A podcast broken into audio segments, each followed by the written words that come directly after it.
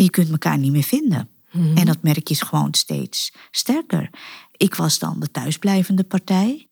En mijn ex-partner, ja, die was zich aan het ontwikkelen. En die kwam natuurlijk overal en nergens. En, en ik was altijd maar thuis. En ik, ja, Ja, jouw wereld verkleinde en die van hem verbreden. ja, ja, en dan raak je elkaar kwijt. ja. AMV Podcast. Ambitie maakt verschil. Ambitie maakt verschil. De podcast voor iedereen met talent in bemiddeling, communicatie, ondernemerschap en klaar is om dat verder te ontwikkelen. We gaan het hebben over keuzes maken, tegenslag, succes, ondernemen en groeiambitie. Want ambitie maakt verschil. AMV Podcast.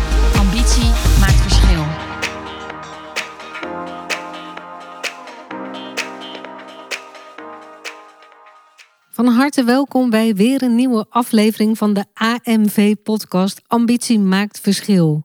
En ook dit keer in de aflevering heb ik een hele leuke gast. Haar naam is Gita en ik geef haar gelijk het woord. Welkom Gita. Nou, dankjewel. Zou jij voor onze luisteraars jouzelf even kort kunnen voorstellen? Zeker. Mijn naam is Gita Ramlal.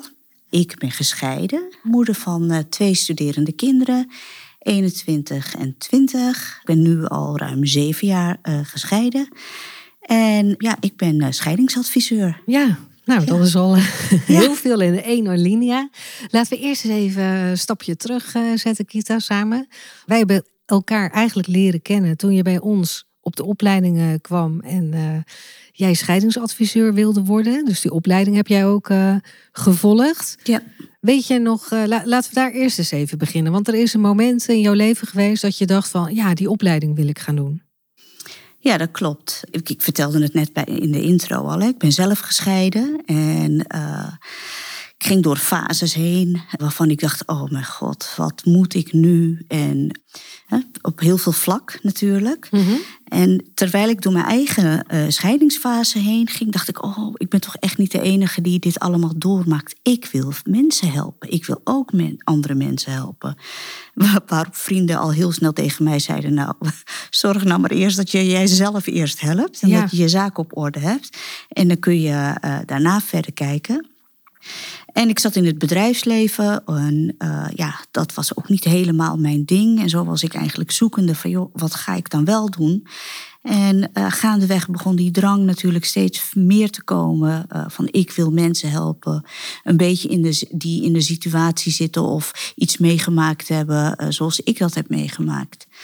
En ja, zo is het eigenlijk gaan rollen en, en ben ik op zoek gegaan naar een ja, opleider. Ja, nou ja, zo ben je inderdaad bij AMV eh, terechtgekomen.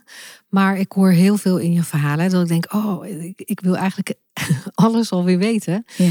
Want eh, ik hoor je zeggen, want je werkt in het bedrijfsleven. Ja. Neem ons mee. Wat voor werk deed je? Ja, ik zat in de, eh, ik zeg ik zat, want ik ben inmiddels gestopt. Eh, ik zat in de industriële automatisering. Nou, dat is, eh, ik ben niet technisch onderlegd, daar ben ik gewoon ingerold. Mijn kinderen waren klein en ik, ik had een, een parttime baan aangenomen. eh, van fulltime naar parttime, om voor mijn kinderen te zorgen toen ze klein waren. Zodoende ben ik daar ingerold. Ja, Mm, Ten tijde van mijn scheiding ben ik van parttime naar fulltime gegaan. ja nee, maar, maar daar komen we zo ja. op. En ja, want, want- jij zat in het bedrijfsleven Ja.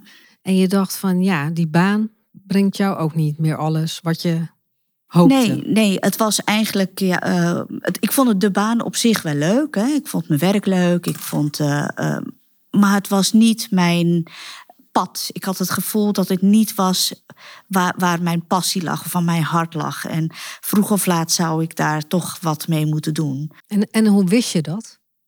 Ja, is omdat je eh, dingen doet die niet dicht bij je staan. Ja. Eh, je doet het wel, je doet je uiterste best uiteraard, maar d- dat, dat, eh, de voldoening die je eruit haalt is anders. Ja. En dat was er niet. Ja, en eigenlijk voelde jij al van, dit is echt werk, maar hier ligt je hart niet. Klopt, precies Ja, zo. ja. Ja.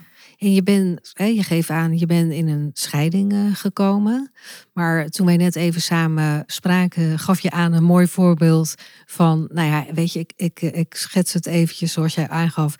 Ik woon in de Phoenixwijk. Ja. Nou, je, weet even, hè, dat is soms wel eens een tussen haakjes de grap in de Vinexwijk. Daar gebeurt heel veel. Wat, wat, wat is dat met die Vinexwijk? Ja, het is natuurlijk, je woont daar in een wijk, in een, in een mooi huis. eh, twee auto's, twee, eh, twee inkomens. eh, je weet het wel, alle, de kinderen zitten op hockey en voetbal. Je bent bij elke borrel, bij wijze van spreken, aanwezig. Je moet erbij horen. En het Ja. klinkt misschien heel raar, want ja, dat is niet hoe, hoe. Ja, eigenlijk is dit niet hoe je zelf bent, maar je wordt meegezogen. Meegezogen je in wordt een- gewoon een- meegezogen. Door de omgeving? Door de want je zit omgeving. daarin. Ja, Ja, ik, ik snap helemaal wat je zegt. Want als ik het zo hoor, dan denk ik, nou joh, het plaatje klopt. Je Ja. woont in een mooi huis. Nou ja, voor, voor welke waarde we er allemaal voor zich aan hangen. Twee auto's voor de deur. Je hebt je kinderen op de hockey, op de voetbal. Ja. Perfecte plaatje. ja, het hondje hadden we dan net niet, hè? dan was het compleet geweest. Maar eh, Hoort dat er een beetje bij? nou ja, goed, dat is het beeld toch? Huisje, boompje, beestje. Ja, inderdaad. Nee, maar goed, weet je, je bent gewoon een, eh, een, een, een, voor de buitenwereld ook gewoon een leuk gezin. Ja, het perfecte Het plaatje. perfecte plaatje. En ja, is het keeping up appearance? Je gaat mee in de, in de hype, denk ik. Ja. En, en wanneer is dan bij jou dat moment? Want je zit in zo'n leven dat je denkt van, hmm, is dit nou wat ik wil? Is dit nu mijn leven? Eh, zit ik in het, in het goede toneelstuk? Weet je, ik zie het zoiets voor me. Ik zie jou daar in dat huis. En wat gebeurt er dan met je? Je gaat elke dag naar, parttime dan in dit geval, maar elke dag naar je werk. Je probeert te voldoen aan dat plaatje, maar van binnen voel je het niet. Je bent gewoon niet happy. Hè? Je, de communicatie gaat anders met je partner. eh, iedereen is druk. Je leeft een beetje langs elkaar heen. En eigenlijk, in, mijn geval dan, op een gegeven moment hebben je kinderen je niet meer nodig. Want ze zaten nog wel op de middelbare school. Ehm, eentje zou net, de jongste zou net naar de middelbare school gaan. Maar ze hebben je steeds minder nodig. En zolang ze je nodig hebben, eh, ben je druk. Maar dan ben je met de tassen En, en bezig. nu heb je het echt expliciet een beetje op de zorgtaak, hè, Op voor de- kleine kinderen. Op de zorg, ja, van kinderen die van de lagere school naar de middelbare Ja, school gaan. hè. ja. Die, die hebben je steeds minder nodig. Ja, nou op een andere manier denk ik nodig. Tuurlijk, ze hebben je, je kinderen hebben je altijd nodig. Ja. Het verschuift. Maar je hebt precies wat je net zegt, het, het zorgende. Ja, Dat is niet meer nodig. En dan word je eigenlijk geconfronteerd met je relatie. ja, ja. En ben je dan nog zo happy met elkaar? En wat je, ja, je leeft een beetje, bent een beetje langs elkaar heen gaan leven. En je kunt elkaar niet meer vinden. En dat merk je gewoon steeds sterker. Ik was dan de thuisblijvende partij. En mijn ex-partner, ja, die was zich aan het ontwikkelen. En die kwam natuurlijk overal en nergens. En, en ik was altijd maar thuis. En ik, ja, ja jouw wereld werd en die van zo hem klein. verbreden. Ja, ja, en dan raak je elkaar kwijt. ja, ja. Voel, voel je dat op dat moment ook gebeuren? Of is dat iets waarvan je dan achteraf denkt... ja, dit was wel eigenlijk mijn wereld verkleinde. Wat je nu heel mooi schetst. Hè? Want ja, kinderen, dus je, je cirkel wordt misschien wat kleiner. Die van hem verbreden. En ik, ik hoor dit namelijk bij zoveel mensen die in een scheiding zijn beland. We konden elkaar niet meer vasthouden. Ja. De, de, de kloof werd te groot. De kloof wordt te groot en het, het sluipt er eigenlijk in. Want je zei wanneer.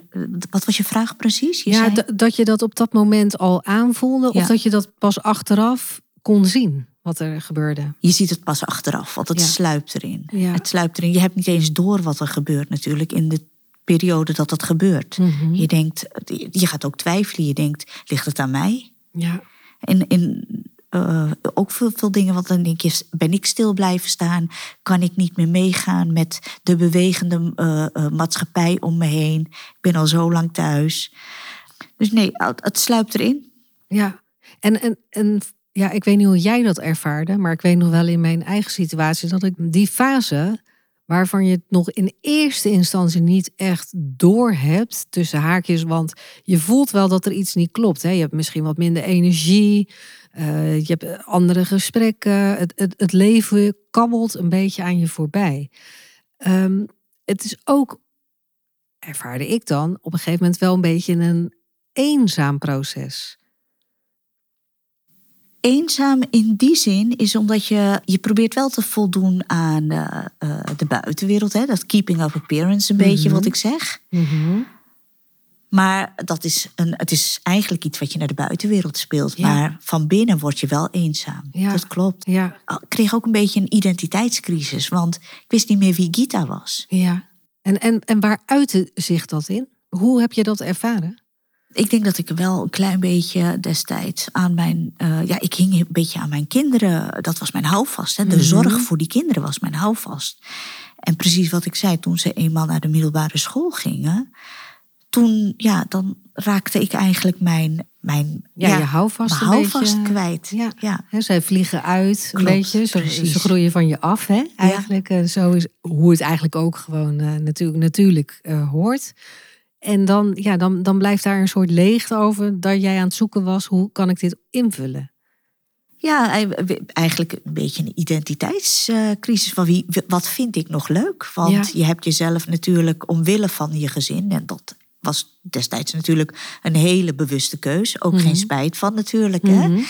Maar heb je jezelf weggecijferd. En die moet je terugvinden. Ja. En, en, en hoe, want jij zit dan van ja, eh, identiteitscrisis. Hoe ga je daar dan mee om? Hoe kom je daar weer uit? Ja, hoe kom je er weer uit? nou, dat, dat is. eh, ik, ik, weet, eigenlijk- ik weet eigenlijk niet precies hoe ik daar op dat moment uitkwam. Maar ik denk dat ik daar een beetje geconfronteerd werd met mezelf, eh, met mijn relatie. Mhm. En het, uiteindelijk heeft het zich geuit in een scheiding. Mhm. Kon je dat voordat dat besluit echt eh, viel, kon je het ook met je omgeving bespreken? Nee. Nee. Nee. Eh, dat, dat bedoel ik een beetje met een eenzaam proces. Ja, nee, helemaal niet. Want het was, ja, niemand zou het begrijpen. Want je hebt het toch goed voor elkaar. Je, hebt toch dat, je woont toch in dat mooie huis, Ja. in die mooie Ja. wijk. En jullie gaan twee keer per jaar op vakantie, als het geen drie keer is. Er staan twee auto's voor de deur. Je hebt gezonde kinderen, je komt overal. Dus ja. Ja, mensen zouden zeggen, eh, wat kom jij nou tekort? Wat Ja. mis jij nou? ja. Niets is wat het lijkt. Niets is wat het lijkt. Ja, dus het Ja. blaadje aan de, aan de voorkant is niet hoe het achter het decor is. En dat maakt het ook wel, dat, dat heb ik zelf ervaren, maar ik, ik hoor dat natuurlijk regelmatig van mensen, dat ze zeggen van ja, maar ik kon dat ook zo moeilijk delen in mijn omgeving. Precies om de redenen, Gita, Ja. wat jij nu aangeeft. Ja. Ja, maar je hebt alles voor elkaar, met andere woorden, maar ja, Wat mis je nog? tevreden. Ja, ja. Wat mis je nog? Wees dankbaar wat je hebt. En je gelooft slechter. het, hè? Je gelooft het. Want eerlijk is eerlijk, materieel gezien miste er niks. Ja, Materieel gezien. ja, maar dit zeg jij mooi. Maar Ja. emotioneel gezien. Emotioneel gezien, absoluut. ja, Daar vereenzaamde ik. ja. Ja, en ik, ik denk ook dat als je... Nou, stel je voor, hè, je hebt ruzie met je man... en eh, je gaat naar je vriendin... en je gaat van alles eh, even ventileren over je man... Nou, dat is natuurlijk even heerlijk. En die vriendin zou zomaar kunnen denken van... nou, wat een eh, waardeloze man, hè. Ik, ik chargeer het nu een beetje, hè, een waardeloze man. En morgen vind jij je man weer helemaal fantastisch... maar dan blijft die omgeving denken, wat een waardeloze man. En dat wil je gewoon Dat wil je niet. Nee, klopt. En dat doe je ook niet naar je familie toe. hoor. Nee. Dat doe je ook niet naar je familie. Ik bedoel, ja, de vuile was hang je niet buiten Ja. natuurlijk. Maar we- bl- blijft het eigenlijk, want dat vind ik ook interessant om eens met jou naar te kijken. Want kijk, we zitten anno eh, de tw- 2023. Een scheiding, nou laten we eerlijk zijn, we horen het wat vaker om ons heen dan eh, pak een beetje 20 of 30 jaar geleden. En toch zit daar nog steeds een taboe op.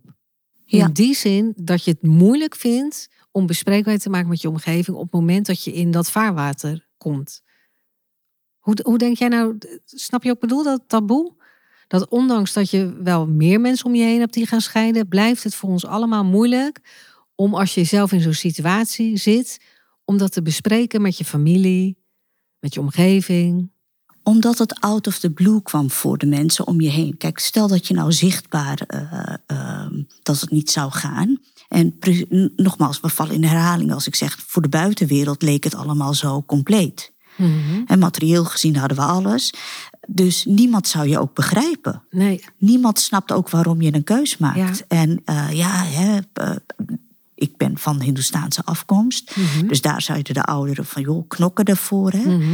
Je gaat niet zomaar uit elkaar natuurlijk. Dat is de- hoe de familie er tegenaan keek. En in de Hindoestaanse gemeenschap zijn het ook families die met elkaar trouwen. Ja. Hè? ja. Dus je bent ook nog een keer connected. eh, ja, het is niet door alleen middel van de families. Dat, Door de dat ligt misschien nog meer verstrengeld in elkaar. verstrengeld, klopt. En ja, dus eigenlijk bespreek je het niet totdat, het, totdat, je, totdat de kogel door de kerk is. Ja. En dan, die kogel gaat door de kerk. Ja, je neemt een be- een besluit en op een gegeven moment... Het, eigenlijk schaam je je ook nog om het te zeggen. Het is heel, ik, ik kan me nog heel goed herinneren, de kogel was door de kerk. En eh, oké, eh, toen stonden we op het, langs het hockeyveld. En kwam een ouder, eh, een andere moeder die kwam langs. En nou ja, mijn ex-partner, die, die was, het was mijn beslissing. Zij stond een beetje verderop. Ja, het nog, een beetje, nog ook een beetje raar naar elkaar toe. Hè? Van, is het nou echt? Ja. Gaat het nou echt gebeuren? En dan ga je het langzamerhand met één persoon delen. Ja. En die zegt nee. En dan realiseer je jezelf ook dat het echt is. Want nu begin je het te communiceren met de buitenwereld. Mhm. Natuurlijk had ik het wel inmiddels al met, met de familie eh, gedeeld. Maar bij iedereen waar je het mee bespreekt, eh, lijkt het alsof je je bijna schuldig voelt weer dat jij vertelt dat je deze beslissing hebt genomen. Mhm. Omdat, ja, Ja, Eh. mensen het, kunnen nooit in jouw keuken kijken, zeg ik altijd. Ja. Ze weten nooit exact hoe het is om in jouw schoenen te staan. Wat heb je op dat moment misschien ook wel gemist vanuit je omgeving? begrip. Ja. En eerlijk gezegd merkte je gewoon dat mensen een klein beetje afstand namen. Ja? Ja, en dan denk je, hoe dan en waarom?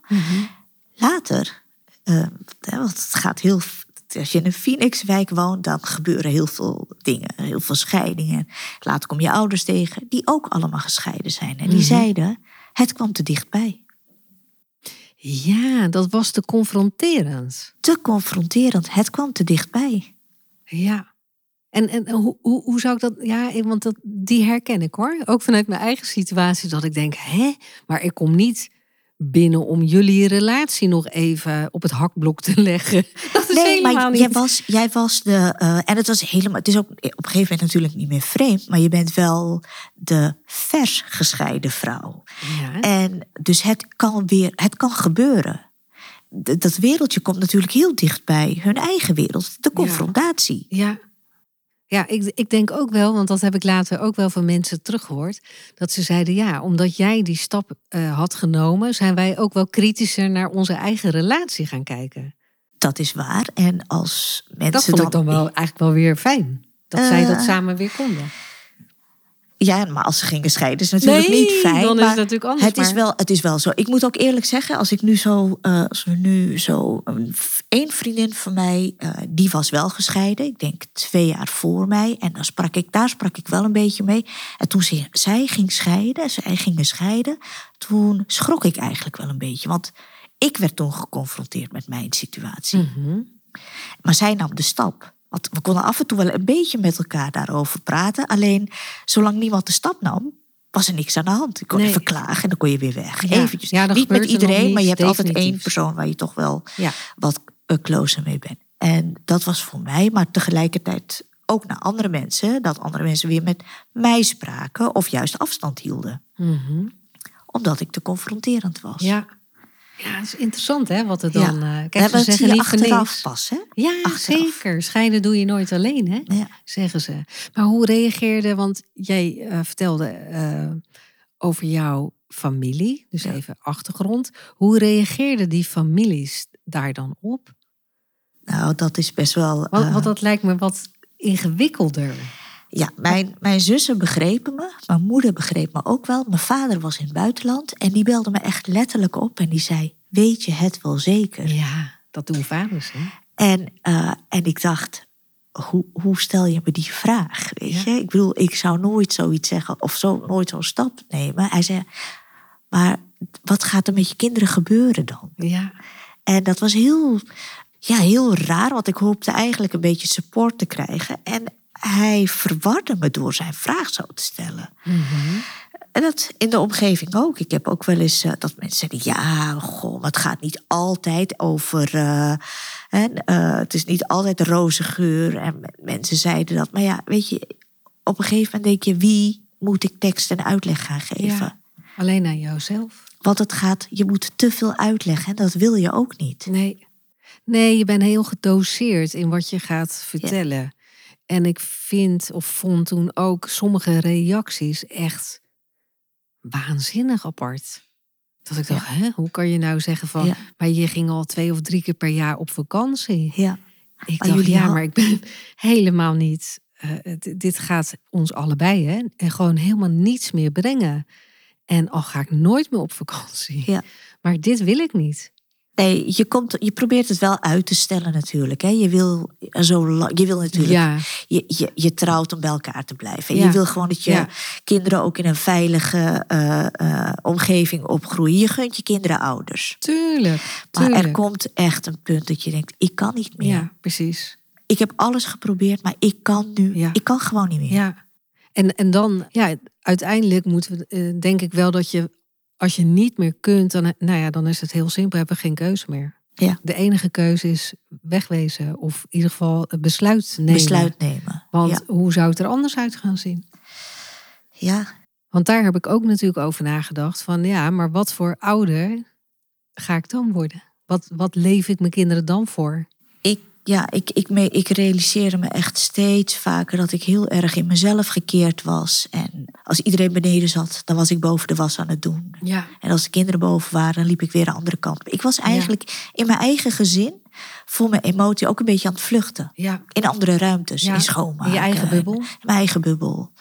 En eh, ja, we hadden het erover dat ik zei van joh, en dan vertel je aan je kinderen onbewust, hè, eh, van doe je best eh, op school, doe dit, doe dat. Ja. En eh, Ja, maar, want jij vertelde hem net iets anders. Want je gaat dan tegen je kinderen zeggen, want daar kom jij denk ik nu op, dat je zegt van ja, doe je best op school, zodat je financieel onafhankelijk wordt of gaat blijven, of wordt niet afhankelijk van. ja, dat is wel een dingetje. Toch? Eh, ja, ja, ik ga inderdaad, ik, eh, daar ging ik naartoe.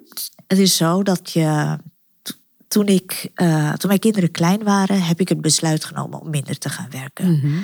zodat we, er iemand thuis was. Ik had Ja. daarvoor best een leuke baan. En mijn, eh, mijn partner had een, eh, een leuke baan. Maar alleen het ging niet samen. Mhm. Het was gewoon te druk. Dus is er besloten dat ik een stapje terug zou doen. En ik voor de kinderen zou zorgen. Nou, zo werd hij kostwinner. Maar ik, ik, dat is het, het grappige. Je woont in zo'n Phoenixwijk en iedereen ziet er al een beetje leuk uit. Het is heel raar dat ik er iedere keer over begin, maar het is wel de is realiteit. wel- want wij willen als luisteraar ook Ja. een beetje die Phoenix. Ja, het is wel de Eh, realiteit. Hè? ja. En, maar ik werd wel financieel afhankelijk. Mhm. En dat gaf toen niet, hè? omdat Nee, de want dat is een verdeling zo- keuze. Ja, dat was is de, keuze. Dat was de verdeling Prima. die we gemaakt hadden. Eh, maar dan sluipt er ook in dat je bijvoorbeeld ehm, niet meer de administratie doet. Mhm. En op een gegeven moment weet je gewoon niet meer hoe eh, de financiën lopen in huis. En moet ik zeggen dat mijn ex-partner mij wel betrok altijd daarbij. Hij zei wel altijd, kom, we doen het samen. Maar ja, ik was veel te druk met die kinderen. Ik zei, als jij dat nou doet, Ja. dan doe ik Ja, het. maar het is eigenlijk heel logisch, Akita. Want ik ken weinig mensen die dan samen die administratie gaan doen. Dus altijd Ja. één van de twee. Ja, dus, dus dat sloop er ook in. En eh, gaandeweg dacht ik, oh, maar wat ga ik dan doen? En hoe ga ik het dan doen? En je raakt in paniek. En eh, je, je, hebt, je hebt het nog niet over scheiden, maar ergens in je achterhoofd denk je al van, ik weet eigenlijk helemaal niet wat ik moet doen. Nee, financieel bedoel je? Financieel weet ik Mhm. gewoon niet, ga ik het redden? En dan ga je hele gekke dingen zeggen. En dan zeg je zo tegen je kinderen van... joh, eh, doe je best op school. Wees niet financieel afhankelijk van Mhm. iemand. En ik zei dat een paar keer en ik realiseerde me dat ik het zei. Maar ik leefde er niet naar. Ja, het was me- meer op dat moment, denk ik tenminste, jouw reflectie. Dat je denkt, wow, dit is een situatie waar ik nu in zit of waar ik in zat. Ja, dat, dat wil je dan niet. Of dat wil je bij je kinderen misschien wel voorkomen. Ja, en, en eigenlijk was dat natuurlijk niet... eh, eh, het is niet aan de orde bij hun. Maar Nee. het is wel hoe je het, hoe je het ervaarde op dat moment. Ja. ja. Ja. Nou ja, ik kan me voorstellen hè, dat eh, je, je gunt je kind, eh, je kinderen ook dat ze dadelijk op eigen benen kunnen staan. Dat ze ruimte hebben voor keuzes maken. Dat ze zichzelf eh, de broek kunnen ophouden. Hè? Dat is misschien wat jij heel erg mee wil geven ook. Ja, en het grappige is, als je dat zegt, dat kon ik natuurlijk ook toen ik zeg maar nog geen kinderen had. En toen Ja. kinderen klein waren, toen was ik financieel ook onafhankelijk. Ja. Alleen het sluipt erin als je samengaat. Ja. En, en hoe belangrijk is het voor jou om financieel onafhankelijk te zijn van iemand? Ja, dat is ja, mega belangrijk natuurlijk, Ja. omdat je eh, op eigen kracht eh, verder gaat. Hè? Je, je, doet, je, je hebt vrijheid. Ja. Want financieel onafhankelijk zijn, financieel afhankelijk zijn, beperkt je ook in je geest. Oh, In ja? je denken, in, in wat ja.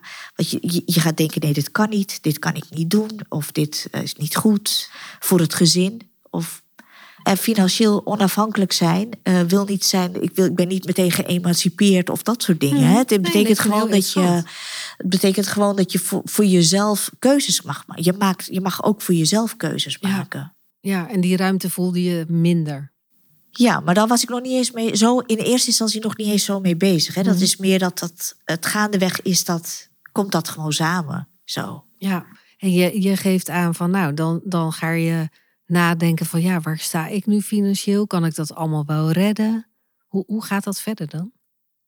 Ehm, Want je hebt wel Ja. die stap gezet. ja, ik heb die stap gezet en ik ben tijdens de scheiding ben ik eigenlijk bij mijn werkgever heb ik gewoon direct eh, ben ik fulltime gaan werken. Wauw. Want eh, maar ja, mijn- de jongste ging naar de middelbare school. Natuurlijk weet ik dat hij me nog wel nodig zou hebben. Maar ik denk, ja, ik kan ook niet de hele dag thuis zitten. Dat vond ik ook gewoon onzin om eh, thuis te zitten als ik geen schoolgaande kinderen had. Dus ik ben wel fulltime gaan werken. Het was even passen en meten. Mhm. Maar ik wilde eerlijk gezegd mijn kinderen ook laten zien dat het kan. En dat het mag. En dat je weer opnieuw kan beginnen en mag beginnen. En met name omdat ik zei van hoor, je zorg ervoor dat je financieel onafhankelijk wordt. Het is niet iets wat je roept, het is iets wat je doet. Ja, Hè, precies. kinderen doen niet wat je zegt, ze doen wat je doet. Ja, en wa- wat jij voordoet Ja. eigenlijk, hè? wat je voorleeft. Ja, en ik, eh, eh, dat was voor mij wel heel belangrijk. En daarnaast vond ik het zelf ook wel weer heel belangrijk om mezelf, mijn leven weer eh, invulling te geven, betekenis te geven. Ik, ik was wel 45 toen ik ging scheiden. En dan denk je wel van, joh, wat kan ik nog? Ja, En tegelijkertijd denk je, ik kan nog heel veel. ja. Je, begint net. Dus ik ben toen, ik moet wel zeggen, ik ben toen van een administratieve functie, omdat ik die bewust had aangenomen om voor Mhm. mijn kinderen te zorgen, ben ik de stap in sales gaan maken. Oké. Ik kreeg die, ik kreeg die kans bij mijn eh werkgever. Bij je huidige Ja, werkgever Ja, zitten we. Ja. ja bij, daar kreeg ik de kans. En toen dacht ik, en deze ga ik aangrijpen. Ja. Want eh, als ik nu op mijn 45ste ga solliciteren ergens, weet ik niet of iemand me aanneemt op een functie wat Ja, ik wil. dus maar dit hier was een kreeg ik de opportunity. kans. Ja. En dat heb ik dus toen ook eh, aangegrepen. En daar ben ik wel super dankbaar voor. Ja. Want ik heb daar zoveel geleerd. Het heeft me zoveel gebracht. Nou ja, we zijn inmiddels zeven jaar verder. Ja. En ja, ik kan alleen maar zeggen dat ik alleen maar gegroeid ben. Ja. En, en kun je dan ook omschrijven waar die groeiontwikkeling echt heeft gezeten? ik begon steeds meer in mezelf te geloven. Vertrouwen. Vertrouwen dat ik het kon. Ik kreeg dingen voor elkaar. Ik, werd, eh, ik, ik merkte dat, eh, dat wat ik tot me nam, of dat wat ik wilde leren, eh, dat ik dat direct ook kon toepassen. En toen dacht ik, ja, maar het geeft helemaal niet dat je ouder bent. Je kunt altijd opnieuw Ja. beginnen. Wa- Was dat een beetje een overtuiging wat jij had? Van ja, als je ouder bent, dan. Nou, het was eigenlijk meer een beetje overtuiging van ik kan het niet meer, omdat ik zo lang thuis, eh, of tenminste, eh, ik zat niet helemaal thuis. Ik had een parttime Ja. baan, maar het was meer dat je, je zakte weg. Dus je was zo lang uit het echte bedrijfsleven. Ik had, Mhm. ik had bewust een parttime functie, omdat die kinderen klein waren. Maar naarmate ik weer fulltime begon te werken en mezelf begon te ontwikkelen, eh, ja, dan groeit je Toen ging zelfvertrouwen. je meer weer uit jezelf Het halen. leek, het leek alsof je vleugels weer eh, loskwamen. Ja. Van ik kan het. En ik was de enige die soms mijn eigen overwinningen vierde. Ja, maar fantastisch. Maar ik was iedere keer trots. Ja. Iedere keer trots als ik iets Ja, voor elkaar luister, gekregen had. Als, we het zelf niet doen, wie Ja? dan? Zo- maar maar, zo- maar zo- moeten we misschien wel niet wat meer... Kijk, heel vaak hè, eh, vanuit de opvoeding of van hoe we eh, omgaan hier misschien in Nederland. Doe maar normaal, dan doen we al gek genoeg. Maar zouden we niet veel meer iedere kleine overwinning... of iedere overwinning, hoe klein dan ook, moeten vieren, joh? Want Ja. Het, is, het doet zo. Want jij gaat nu echt helemaal stralen, hè? Nu klopt, dit zit te klopt vertellen. omdat ik, ik weet dat ik steeds op een gegeven moment... Ja, dat is eh, best wel grappig, want die kinderen van mij die zeiden... Mam, jij bent de grootste student hier in huis. Ja. Want ze studeren allebei, maar ik was degene die altijd Jij maar... wilde leren. Ik wilde leren en ik dacht, oh, maar dit wil ik ook en dit Ja. wil ik ook. Je ging alles inhalen, Ja. lijkt wel, hè? Ja. Dan. Nou, mooie midlife, toch? een- ja, nee, joh, dat zit je nog lang niet. Maar een soort spons. Je was echt alles weer uit, uit jezelf, uit het leven aan het halen. Ja, en ik vond het echt leuk. En ik vind het nog steeds leuk. Waarom? Omdat ik me realiseer dat het allemaal, het kan, het Ja, mag. ja. En ik zie geen beperkingen. Ik zie alleen mogelijkheden. Wauw. En eh, wat is je geheim? Want ik denk dat dit de luisteraar wel wil horen van... hoe doet deze powervrouw het? Want vergis je niet. Ja, oh, nou, dankjewel. ja, nee, maar, vergis ja, je oh, niet. oh, Hè? Dus eh, we maken het niet groter of kleiner dan het is. Nou, hoe doe ik het? Het is gewoon enthousiast blijven, nieuwsgierig blijven, open blijven, durven dromen, geen grenzen hebben aan je, aan je dromen. Ehm, weet je, ik bedoel, eh, als ik hier in een klas zat met gemiddeld een leeftijd, in mijn, in mijn groep zaten gemiddelde Mhm. leeftijd was, wat was het? 35? ja, in jouw Ja. groep bij de Bij de opleidingsscheidingsadviseur. opleiding scheidingsadviseur, gemiddelde leeftijd was 35. En ik dacht, oh, prima, maar ik Ja. ga het gewoon doen. Ja, En dan kom je weer ergens en iedere keer. En op een gegeven moment. Weet je, ik heb sowieso nooit last gehad van leeftijd. nee. Met omgaan met andere leeftijden. Dus dat zie ik ook niet als een beperking. Maar de maatschappij, op een gegeven moment denk je wel van. Ik zag het niet, maar af en toe dacht ik ook wel van. Oké, ik moet ik, ik ben dan, ik ben nu 51. En dan denk ik, oh, wacht even. eh, je wordt af en toe geconfronteerd met je leeftijd. Ja. Wat geen beperking voor Nee. mij is, dat is het niet. Maar ik wilde onlangs nog eh, rechten gaan studeren. ja, Toen heb ik even een berekening gemaakt van hoe oud ben ik dan, hoeveel tijd. hoeveel tijd. En ik vond het onwijs leuk, maar ik zou dus denk ik 65 zo zijn. eh, Hè, als Ja. alles in één keer goed Ja. gaat, dat ik advocaat was. Toen dacht ik, ja, ik zou, ik, de, de droom was er nog steeds. En Ja. dat is het, hè? Je, Ja. je, je droomt er nog steeds Ja. over. Maar is je droom weer niet per se om dit te doen? Maar ik hoor je echt zeggen van nadat je dat, eh, die stap hebt genomen. Dus je bent echt voor jezelf gaan staan en gegaan. En ineens ging je weer dromen en het ging weer stromen. En Ja.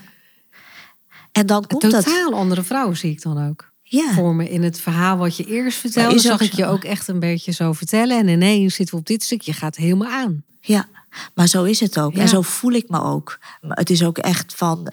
Het kan allemaal. Ik zie ook geen beperkingen. Ja. Op geen enkel vlak. Waarom zou ik iets niet doen? Ja. En, en zie je ook wel eens mensen om je heen die veel te veel eh, misschien blijven hangen in onmogelijkheden, wat er niet kan. Ze zijn nog wel te oud. Ja, waarom zou ik dit nog doen?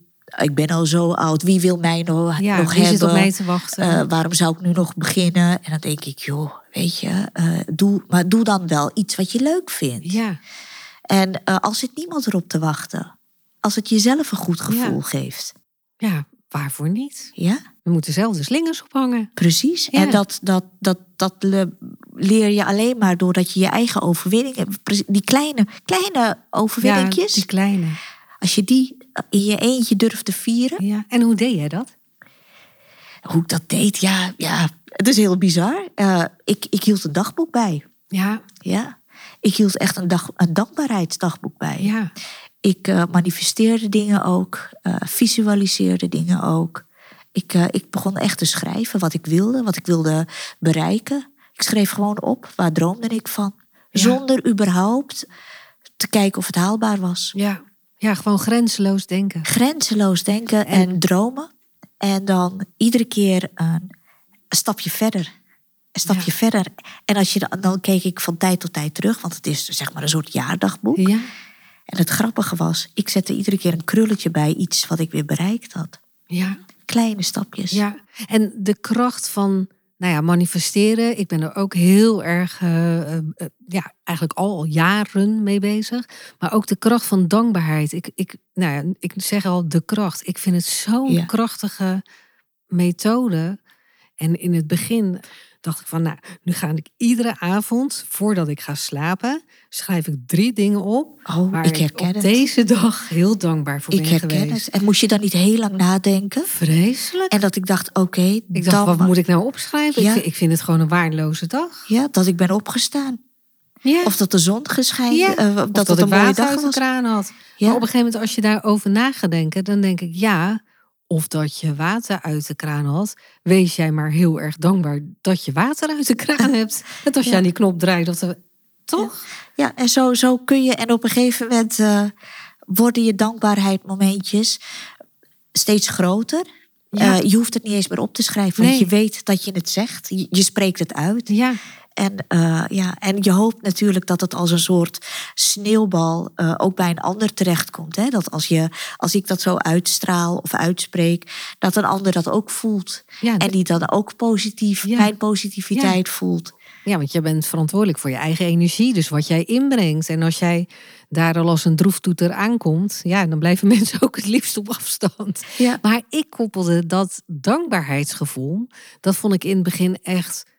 Ja, gewoon een verschrikkelijk woord alleen al. Dankbaarheid. Zo, zweverig op een gegeven moment. Ja, maar ik denk, ik ben daarover gaan nadenken van waar zit dan de weerstand? En een weerstand zit groei, oftewel je moet van weerstand naar leerstand.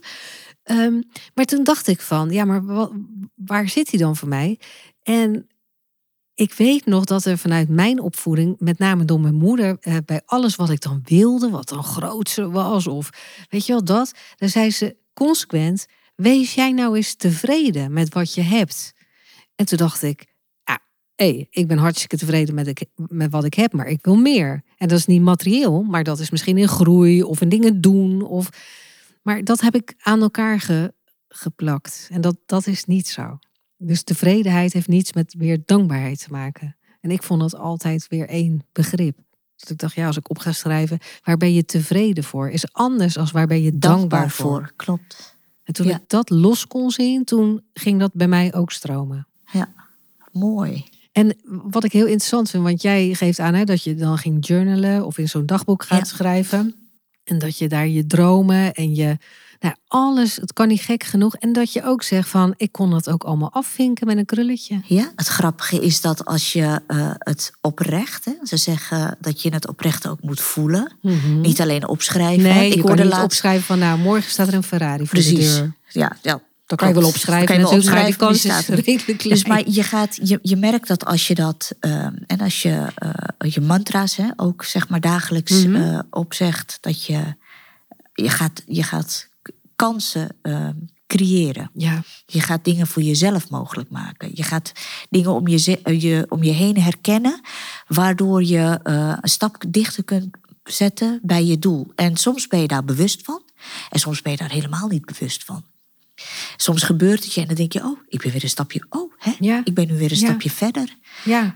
Maar je bent er al mee bezig geweest in je eigen energieveld. Klopt. Ja, je bent er al lang van tevoren mee bezig. Ja, en dat vind ik ook altijd, hè, als we hem dan even op een ander voorbeeld zetten. Je hoort vaak topsporters ook zeggen dat ze al hebben gevisualiseerd dat ze over de finish kwamen. Ze hebben het al een keer eh, meegemaakt, weliswaar in hun eigen ehm, ja, ja, Ja, hoofd, zeg maar. Ja, ze hebben letterlijk gezien hebben het hoe ze letterlijk- over de streep Ja. gingen. Klopt. Ja, Ja. En, en dat hoor ik jou ook weer zeggen. En ik, ik doe dat zelf ook. Ik herken dat ook. Dat je het wel echt. Kijk, want manifesteren. Sommige mensen zullen zeggen: Oh, ver van mijn bed, zo eh, zweverig. Maar het is ook wel iets. Alles wat je aandacht geeft, groeit. Dus onbewust, bewust ben je wel met iets bezig wat je gewoon heel graag wil. Ja, dat en is het. het. lijkt of de energie daar dan ook naar uitgaat. Want je ziet, je ziet dan constant hè, alles om je heen, die, eh, wat die richting op gaat. Ja, Klopt, je komt in aanraking met mensen. Ik bedoel, eh, hiervoor eh, kwam ik, kende ik helemaal geen ondernemers. En op een gegeven moment zag ik in mijn, in mijn omgeving, in mijn kennissenkring, kwam ik alleen maar met ondernemers in aanraking. Ja. En dan ga je gesprekken heel anders. Je netwerk wordt heel anders. Het, het is heel, ja, het, ja, het, het, het stroomt, het ja, vloeit. Ja, maar het, het is, ik zie dan de energie die dan, ja, misschien klinkt dit wel zweverig. Ja, we dus zijn ik hoop wel heel je als erg. luisteraar dat je me nog volgt. Maar ik denk wel dat de energie die we zelf gaan uitzenden een soort magneet eh, is op, op dingen die gebeuren om je heen. Dus wat jij, kijk, stel je voor dat ik denk, oh, ik wil morgen een uh, groene auto kopen. Dit merk vind ik fantastisch. Ineens zie ik allemaal die groene auto's rijden. Dat is, dat is apart. Of in, vroeger, vroeger, toen ik zwanger was, ineens zag ik allemaal zwangeren. Ja. ja, zo werkt het, hè? Zo Ja, gaat dat. Dan denk ik van ja, hoe, hoe, en, en die zwangeren waren er eerst ook, hè?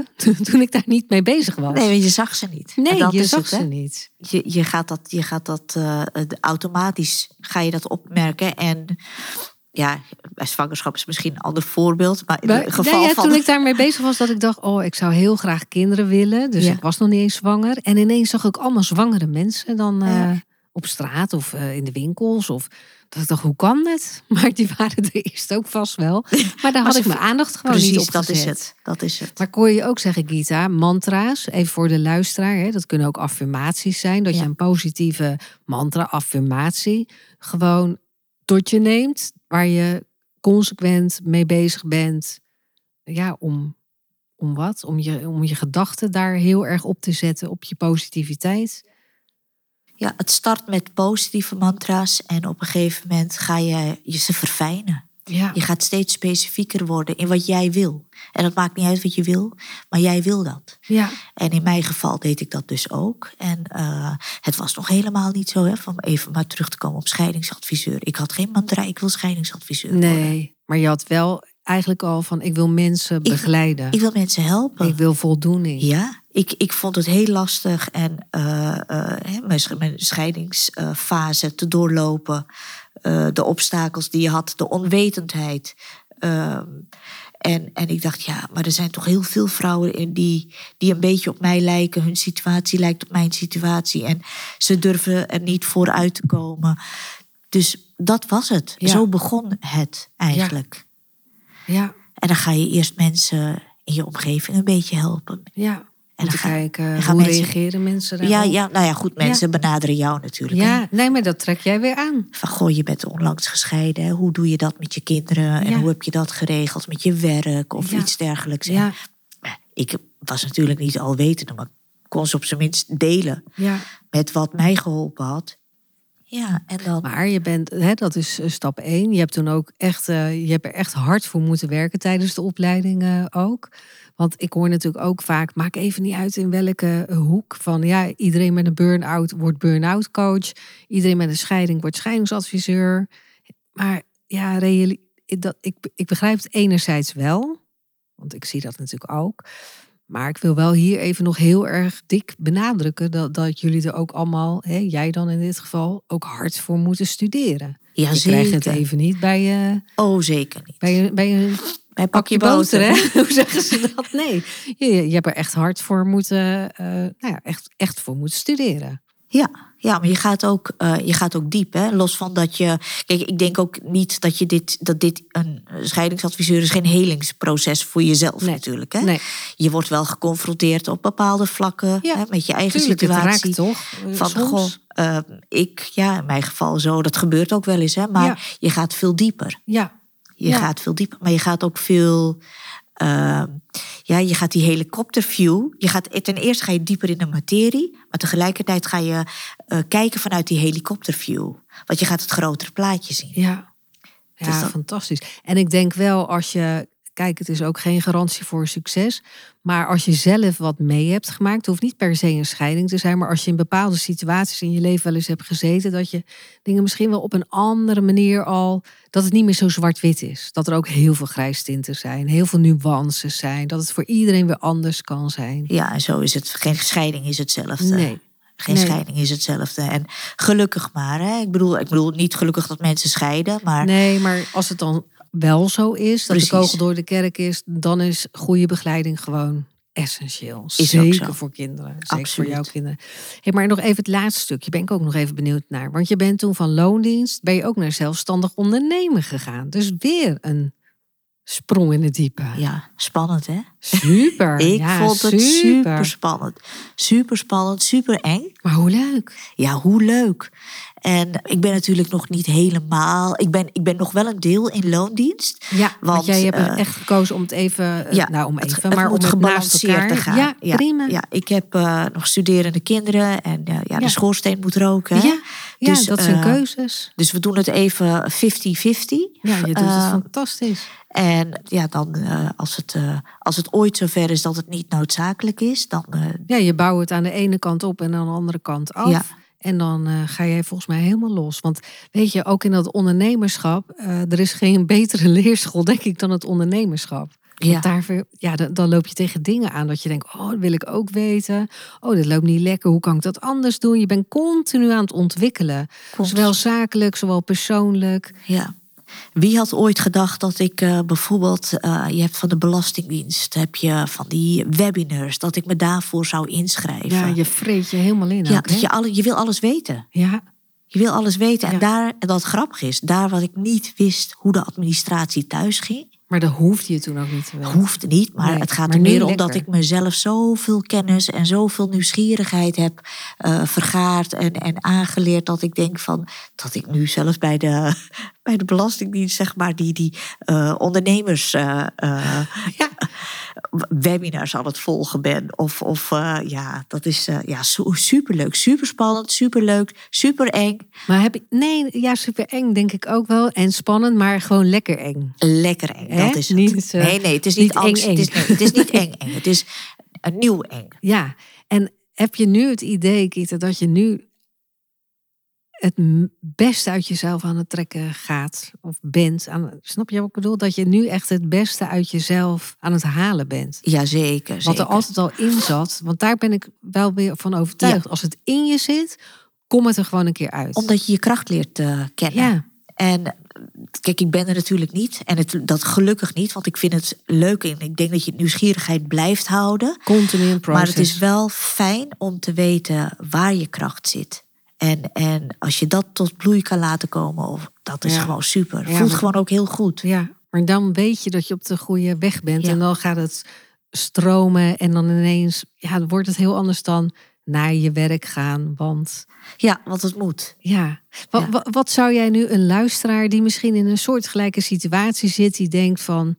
Ja, ik haal ook nog niet genoeg uit mezelf. Of ik zit helemaal niet lekker. Of mijn leeftijd. Heb je nu een advies? Oh, jeetje. Ja, nou ja, goed. Ehm, ik, ik denk dat ongeacht je leeftijd, dat je altijd mag dromen. En eh, onbegrensd mag, eh, zal, ja, ik zou bijna zeggen, moet dromen. Ja, maar soms is moed ook best goed. Hè? Ja. dus dat, dat zou ik echt zeker willen meegeven. En ik, ik- je, eh, je kunt alles eh, bereiken wat je wilt bereiken, ongeacht je leeftijd. Kijk, en je, je moet het alleen willen. En het kan. Precies. En durven. Ja, En durven. En als je in jezelf gelooft, dan, eh, dan komt het helemaal goed. Ja, maar en ik denk eigenlijk ook dat als je het heel graag wil, Ja.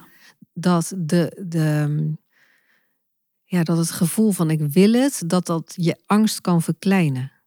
Klopt. Snap, snap Want je, ziet, je, ziet, je Want- ziet de angst niet meer. Hè? Nee. Je, je wil het. Ja, want tussen durven en, en doen. Hè? Dus die, want ik kan me voorstellen dat je denkt, ja, ik wil het wel, maar ik durf het nog niet. Ja, er zijn natuurlijk heel veel mensen die zeggen van ik wil het wel, maar dan Ja. moet ik eerst dit of dat Ja. kan niet. En Ja. er zitten al honderdduizend beren op de weg. Ja, maar dan wil je het nog niet Dan wil je het nog niet echt. Nee, zo bedoel ik hem Klopt. precies. Dat je denkt van ja, dan is de wil daar nog niet groot genoeg. Ja.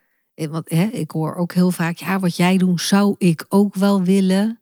Nou, doe dan. Ja, ja precies. En het kan, dit kan. Ja, het kan gewoon. Maar eh, ja, het is commitment. Het is de plussen, maar ook Ik de hoor- minnen. Ik vergeet nooit, ik heb eh, een paar van je podcasts. Wat zei je nou altijd? Je gebruikt altijd een mooie. Iedereen wil Beyoncé zijn, maar Ja, niemand wil Beyoncé worden. Ja, je, moet er wel, is het. Je, moet, je moet het heel graag willen, Ja. maar je moet er wel hard voor werken. Juist. En dat is eigenlijk om weer terug te gaan ook naar de Phoenixwijk. Niet alles is wat het lijkt. Dus je, moet, je ziet altijd wel de successen van de ondernemers, maar niet hun failures. Maar die zijn er natuurlijk ook plenty. Ja.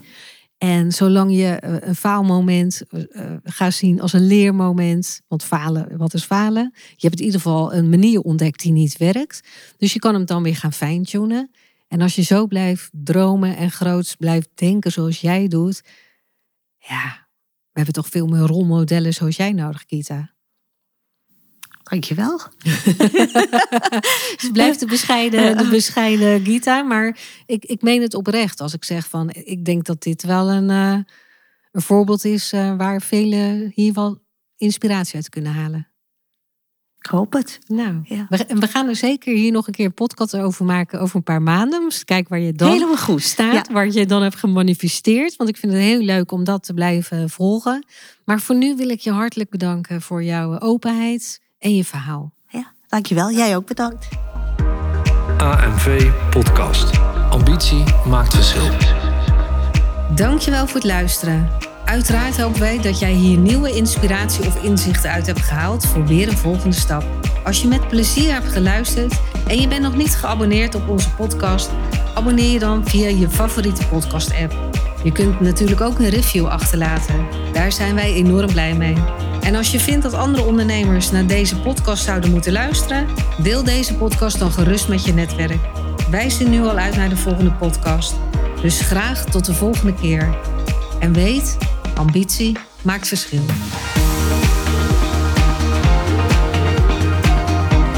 AMV Podcast.